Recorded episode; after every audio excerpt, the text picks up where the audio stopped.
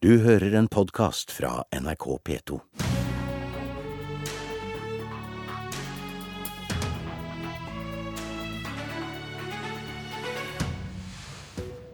Selve samfunnskontrakten står i fare om Erna Solberg får fire nye år ved makta, advarer Jonas Gahr Støre.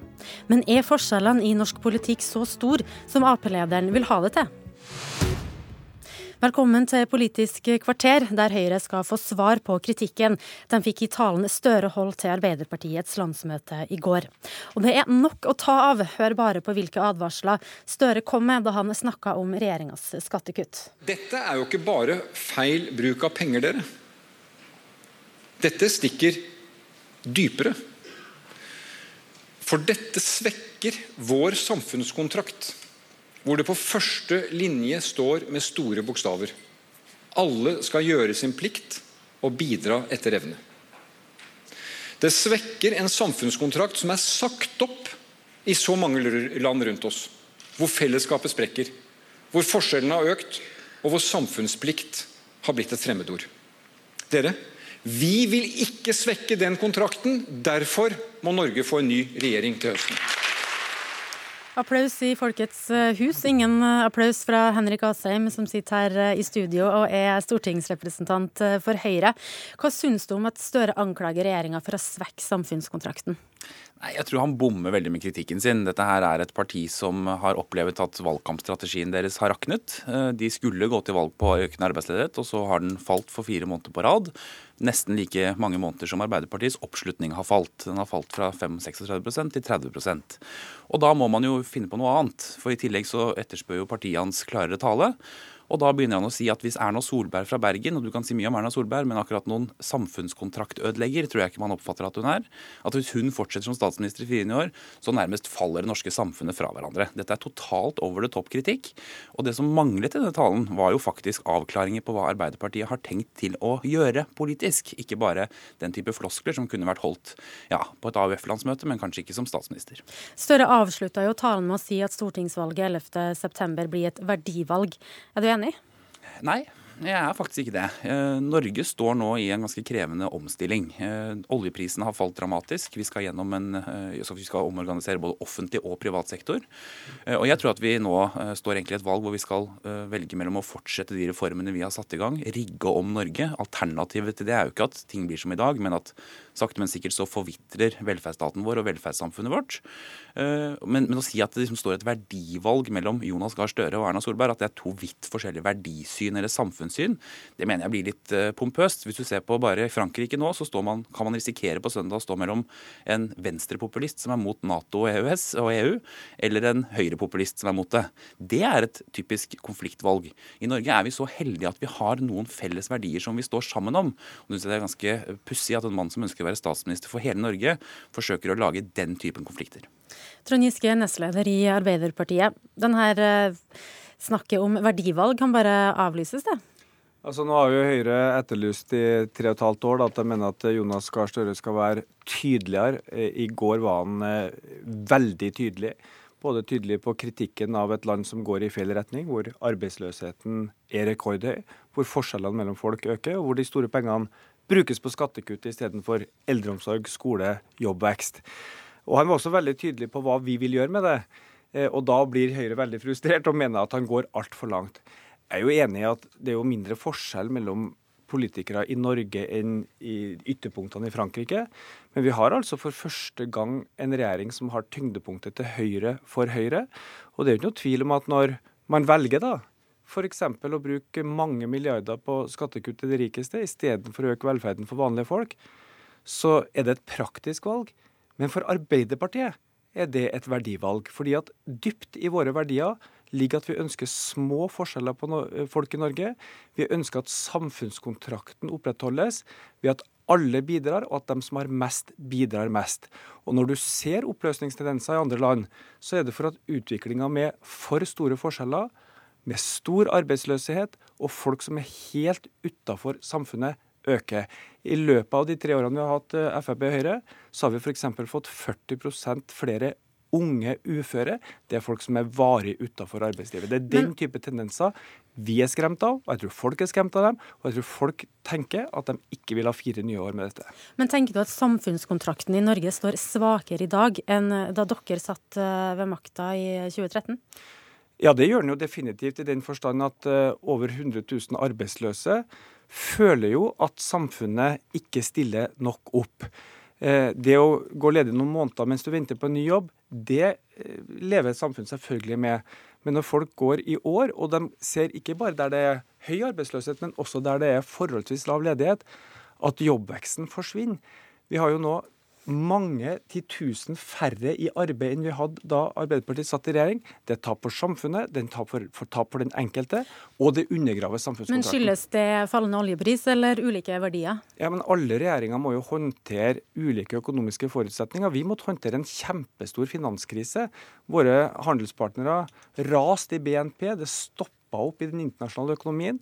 Jens Stoltenberg sa vi skal komme oss gjennom den med Europas laveste ledighet. Nå er det altså tre år siden oljeprisfallet, og Frp og Høyre har ennå ingen strategi for å få til ny jobbvekst. Sånn at det, det, på, en, på, et eller annet tidspunkt så må en regjering måles på det de faktisk oppnår. Arbeidsløsheten går opp. Antall mennesker i jobb går ned. Køene til lærlingplasser, studieplasser går opp. Antall unge som er uføre, går opp og samfunnstilliten går ned. Og dette er alvorlig. Vi er ikke der ennå, det sa Jonas veldig tydelig i går, men vi er på vei dit. Jeg mener at dette her, igjen, så tror jeg at hvis, man, hvis, Arbeiderpartiet har ambisjoner om å løfte seg fra det lave nivået de ligger på nå, så tror jeg de må snakke om en samfunn som folk kjenner igjen. Og rundt om på kjøkkenbordene tror jeg ikke folk oppfatter at denne regjeringen verken river ned samfunnskontrakten eller at norsk økonomi er i krise. Faktum er at, og det er dette som er problemet til Arbeiderpartiet, at ledigheten nå går ned. Og økonomene sier at noe av grunnen til det er regjeringens kraftfulle motkonjunkturtiltak. Det er altså sånn at 80 000 færre mennesker står i helsekø nå enn de gjorde. Vi ser at uh, skolen så lærer elevene mer. Veldig mange går i riktig retning. Så er det noen klare uenigheter mellom Høyre og Arbeiderpartiet, f.eks. på hvilke reformer er nødvendige for å ivareta velferdsstaten vår. Og Det er jo de store diskusjonene. Men å måte, importere problemet fra utlandet og så si at det er det valget handler om, det store valget mellom Erna Solberg og Jonas Gahr Støre er på en måte liksom om samfunnskontrakten skal holde sammen, det tror jeg ikke folk der ute kjenner seg igjen i. Jeg tror det skal bli tøft for Arbeiderpartiet å stå frem til valget 11.9. og fremstille det som at forskjellen på Erna og Jonas er, et, er to vidt forskjellige samfunn. Sannheten er at vi er uenige om en del tiltak og viljen til å gjøre dem. Eh, og Problemet også er at Arbeiderpartiet, jeg tror mange i Arbeiderpartiet egentlig var litt frustrert over Senterpartiet da de satt i regjering sist, som var en klamp om foten. Problemet er at nå er klampen dobbelt så stor, og foten har blitt mye mindre. Så veldig mange er bekymret for at Arbeiderpartiet nå egentlig går til valg på ikke å gjøre noen ting, og da må man bruke denne type luftig, pompøs argumentasjon, som jo ikke er i sammenheng med virkeligheten, men som sikkert slår godt i en landsmøtesal i Oslo kongressen. Nei, uh, vent litt. Viktig i den, det, det du kaller den pompøs argumentasjon, eh, er jo også Frp. Det er ikke bare Erna mot eh, Jonas eh, som er viktig i Støres retorikk. I talen i går så var han også inn på at det blir mer splid dersom dagens regjering blir sittende ved makta. Og vi skal høre et klipp fra landsmøtetalen der han snakker om akkurat det. I mange land ser vi fremmedfrykt som vokser. Vi ser at den anstendige høyresiden finner sammen med en mørkere, sterkere høyrepopulisme. I Norge har vi allerede en regjering med tyngdepunkt til høyre for partiet Høyre. I Norge har vi statsråder som truer med å boikotte medier de ikke liker. Som lukker øynene for menneskeskapte klimaendringer. Som tar fryktelig lett på kunnskap og fri forskning. Som mener at det ikke er en politisk oppgave å motvirke forskjeller. Som mener vi trenger et nytt korstog mot islam som mistenker mennesker som flykter til Norge fra krig og nød, for å ønske å bli båret hit til landet på gullstol. Vi har statsråder som sår splid i en tid som roper på samhold. Asheim, som representant for det Støre kaller den anstendige høyresida. Gjør det litt vondt å bli minnet på kontroversielle uttalelser fra Frp-statsrådene?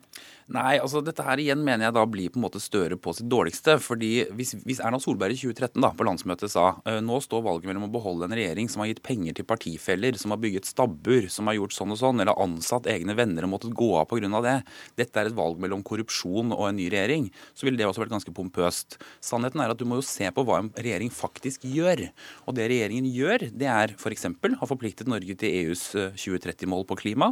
Vi har levert det grønneste budsjettet noen gang. Og ja, regjeringen har håndtert en massiv flyktningkrise på en veldig god måte på en måte som har gjort at vi både har bærekraft, vi bosetter flere flyktninger nå enn vi noensinne har gjort. Og igjen, jeg tror det er veldig langt mellom den virkeligheten folk ser der ute, og den retorikken som Jonas Gahr Støre bruker nå, for å for så vidt å prøve å lappe sammen sitt eget parti, fremfor å sette en diagnose på samfunnet som folk forstår.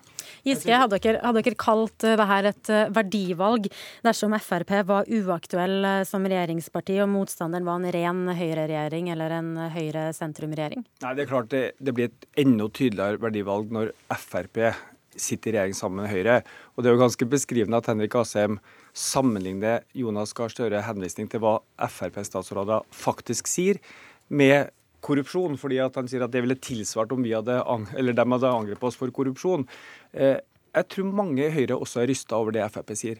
Jeg syns eh, at når godhet blir et skjellsord, som Sylvi Listhaug bruker i godhetstyranniet, så er vi på ville veier. Og Hvis ikke det er et verdivalg, om godhet er bra eller dårlig, da vet jeg ikke hva som er et eh, verdivalg. Frp sier rett ut i programmet sitt det er ikke noe mål å utjevne de forskjellene som oppstår i markedet. Vi er dypt uenige en viktig politisk oppgave det er å sørge for små forskjeller mellom folk.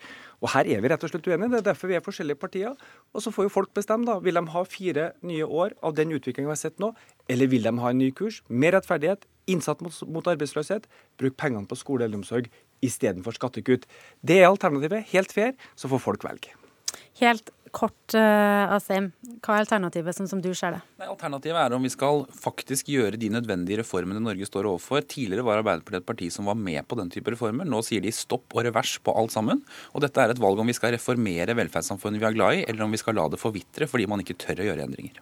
Politisk kommentator her i NRK, Magnus eh, Takvam. Du var i Folkets hus da Støre holdt eh, talen sin, og du har fulgt debatten her i studio. Vi hører at Arbeiderpartiet sier at høstens valg er et eh, verdivalg. Høyre sier at det ikke er det. Hvordan tolker du det? Det er klart at eh, Arbeiderpartiet i eh, denne valgkampen er avhengig av bl.a. å mobilisere sine egne usikre velgere, og må kommunisere til dem at noe viktig står på spill i og med dette valget. Og da trekker de fram de uheldige trekkene ved samfunnsutviklingen som de peker på her, altså økte forskjeller, utenforskap, eh, lavere sysselsettingsgrad osv., som stort sett et resultat av den blå-blå regjeringens politiske valg.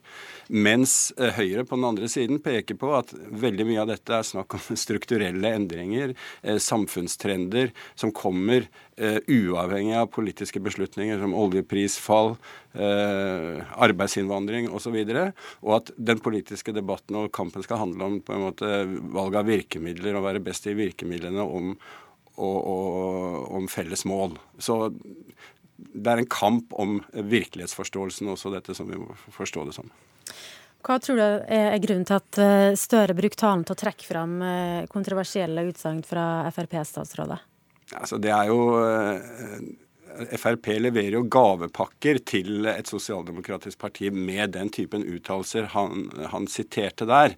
Men det er klart, det er også en balansegang for Støre etter hvert å eh, på en måte stå fast ved, ved å klistre Høyre til de grader opp mot, mot den typen uttalelser. Vi opplevde bl.a. i fjor, da etter brexit-avstemningen, at Støre nok gikk for langt, eh, oss, eh, for å si det sånn, i, i, retning av å si at det var høyrepolitikk i Storbritannia som førte til brexit. Noe av det samme kan skje i Norge. sånn at å bruke den typen eh, årsakssammenhenger og paralleller er en krevende balansegang. Hvordan, hva blir viktig for han eh, fremover, og for Arbeiderpartiet framover i den balansegangen? Eh, nei, Det er å få forståelsen for at det faktisk handler også om politiske valg. Eh, når eh, vi snakker om det vi gjorde, de trekkene med både sysselsetting, utenforskap og økende forskjeller. Og så tror jeg, uavhengig av det, at hele Altså vi hører at eh, Høyre holder fram eh, denne regjeringens styringsevne, det at de har greid å, å, å operere gjennom en, en, krevende flyktningkrise, oljeprisfall osv. Så, videre. så jeg tror veldig mye også vil handle om nettopp eh, hvem av disse to eh, konkurrentene som er best, og, og hvor, hvem folk har størst tillit til når det gjelder evnen til å styre, styre landet. Takk, politisk kommentator i NRK Magnus Takvam. Takk også til Henrik Asheim fra Høyre og Trond Giske fra Arbeiderpartiet. Politisk kvarter ble leda av Siv Sandvik.